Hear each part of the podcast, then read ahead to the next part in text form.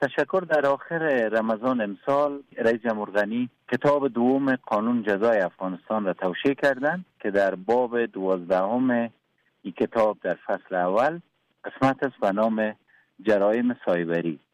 این جرایم سایبری مربوط به او زمینه کاری است که شما وقتی از اینترنت و ارتباطات اینترنتی استفاده کنید این بخش دقیقا نمی فعالیت های شما را چی به عنوان یک کاربر عادی چی به عنوان یک کاربر ای از طریق اینترنت این را چیدمان و تنظیم می‌کنه که هم از دید کسایی که در این راستا کار می‌کنن به عنوان ارائه کنندگان خدمات اینترنتی قانون یا ای بخش قانون معلومات میده و همی که خود کاربرا یا کسایی که فعال هستند در زمینه اینترنت اونا رو هم برشان میگه که چی چیزا یا چی کارهایی می‌تونه بر حسب قانون باشه و چی کارهایی می‌تونه بر اساس قانون غیر قانونی باشه. مؤسسه حمایت کننده رسانه های آزاد افغانستان آیا نظرسنجی دیگری هم به راه می اندازه برای برای رساندن صدای معترضین برای حکومت یا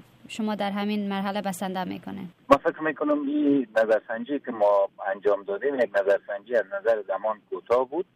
و از نظر نمونه برداری و مرچند بر اساس قواعد نمونه برداری می‌تونست روی خوب حساب شود. اما نمونه برداری های ما کم بود. بر اساس اطلاعاتی که ما در افغانستان داریم بیشتر از سه میلیون نفر دسترسی به اینترنت دارن یا مستقیم یا غیر مستقیم. ما می‌خواهیم یک سروی گسترده نه تنها در افغانستان که در, در کابل که در بیرون از کابل در کلان شهرهای دیگه هم برا بندازیم و در کنار از این که ما سوالنامه های خود را مطرح می‌کنیم جلسات آموزشی در زمینه یک قانون خواهیم داشت. در کنار از این من فکر می‌کنم دفتر نی اما تقاضاهایی را که داره نه تنها بر مبنای نظرسنجی بلکه بر مبنای برداشت خود دفتر از قانون که فکر می‌کنه دفتر نهی قانون محدود کننده است. جلسات و برنامه های دادخواهی خود خواهد داشت.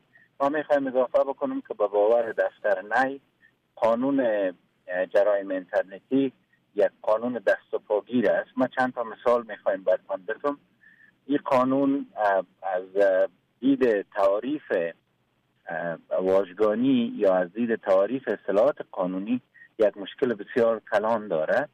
مثلا در این قانون نوشته شده که آنچه خلاف اخلاق اسلامی و خلاف اخلاق اجتماعی باشد در, در رسانه های اجتماعی اگه باستاب پیدا بکنه ای جرم پنداشته میشه. در حالی که ما نه اخلاق اجتماعی رو برش یک تعریف ثابت داریم و نه اخلاق اسلامی رو برش یک تعریف ثابت داریم. بله. مثلا اخلاق اسلامی از دید من مسلمان می‌تونه یک تعریف داشته باشه از دید یک عالم دین یک تعریف دیگه داره از دید یک سارنوال یک تعریف دیگه داره از دید یک قاضی یک تعریف دیگه داره. بله. میبایست قانون با صورت ویژه ای تعریف می‌کرد. اما رقم اخلاق اجتماعی وقتی ما در کابل مثلا در زمان مسافه و احوال پوسی با مردان ما روبوسی می‌کنیم. دال که شاید در یک کشور دیگه در بیرون از محدود جغرافیای آسیا روبوسی دو تا مرد مثلا ضد اخلاق داشته شد. بله بله. با این خاطر اخلاق اجتماعی هم نمی‌تونه تعریف ثابت داشته باشه الا ای که قانون خودش تعریف بکنه.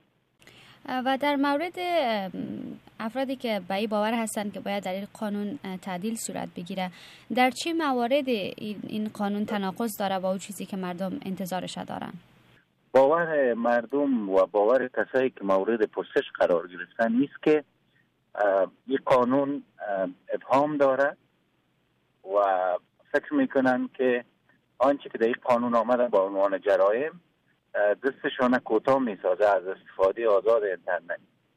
و مثال های بسیار زیادی را ارائه کردن افراد البته از خانش و قرائت خودشان از قانون از جمله کلماتی که اونا فکر می‌کردن ابهام داره و می‌تونه دستشان کوتاه بسازه تولید و نگهداری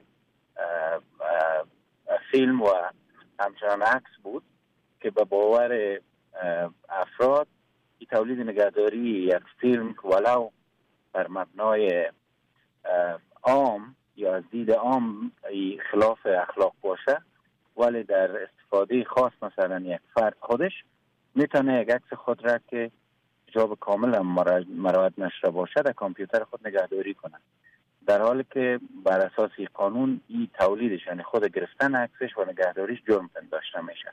نگرانی مردم بیشتر در این زمینه بود و می‌گفتن که این می‌تونه زمینه تفتیش حکومت را بر وسایل ارتباطی شخصیشان مساعد بسازه از جمله کامپیوترهاشان و یا تلفن‌های هوشمندشان.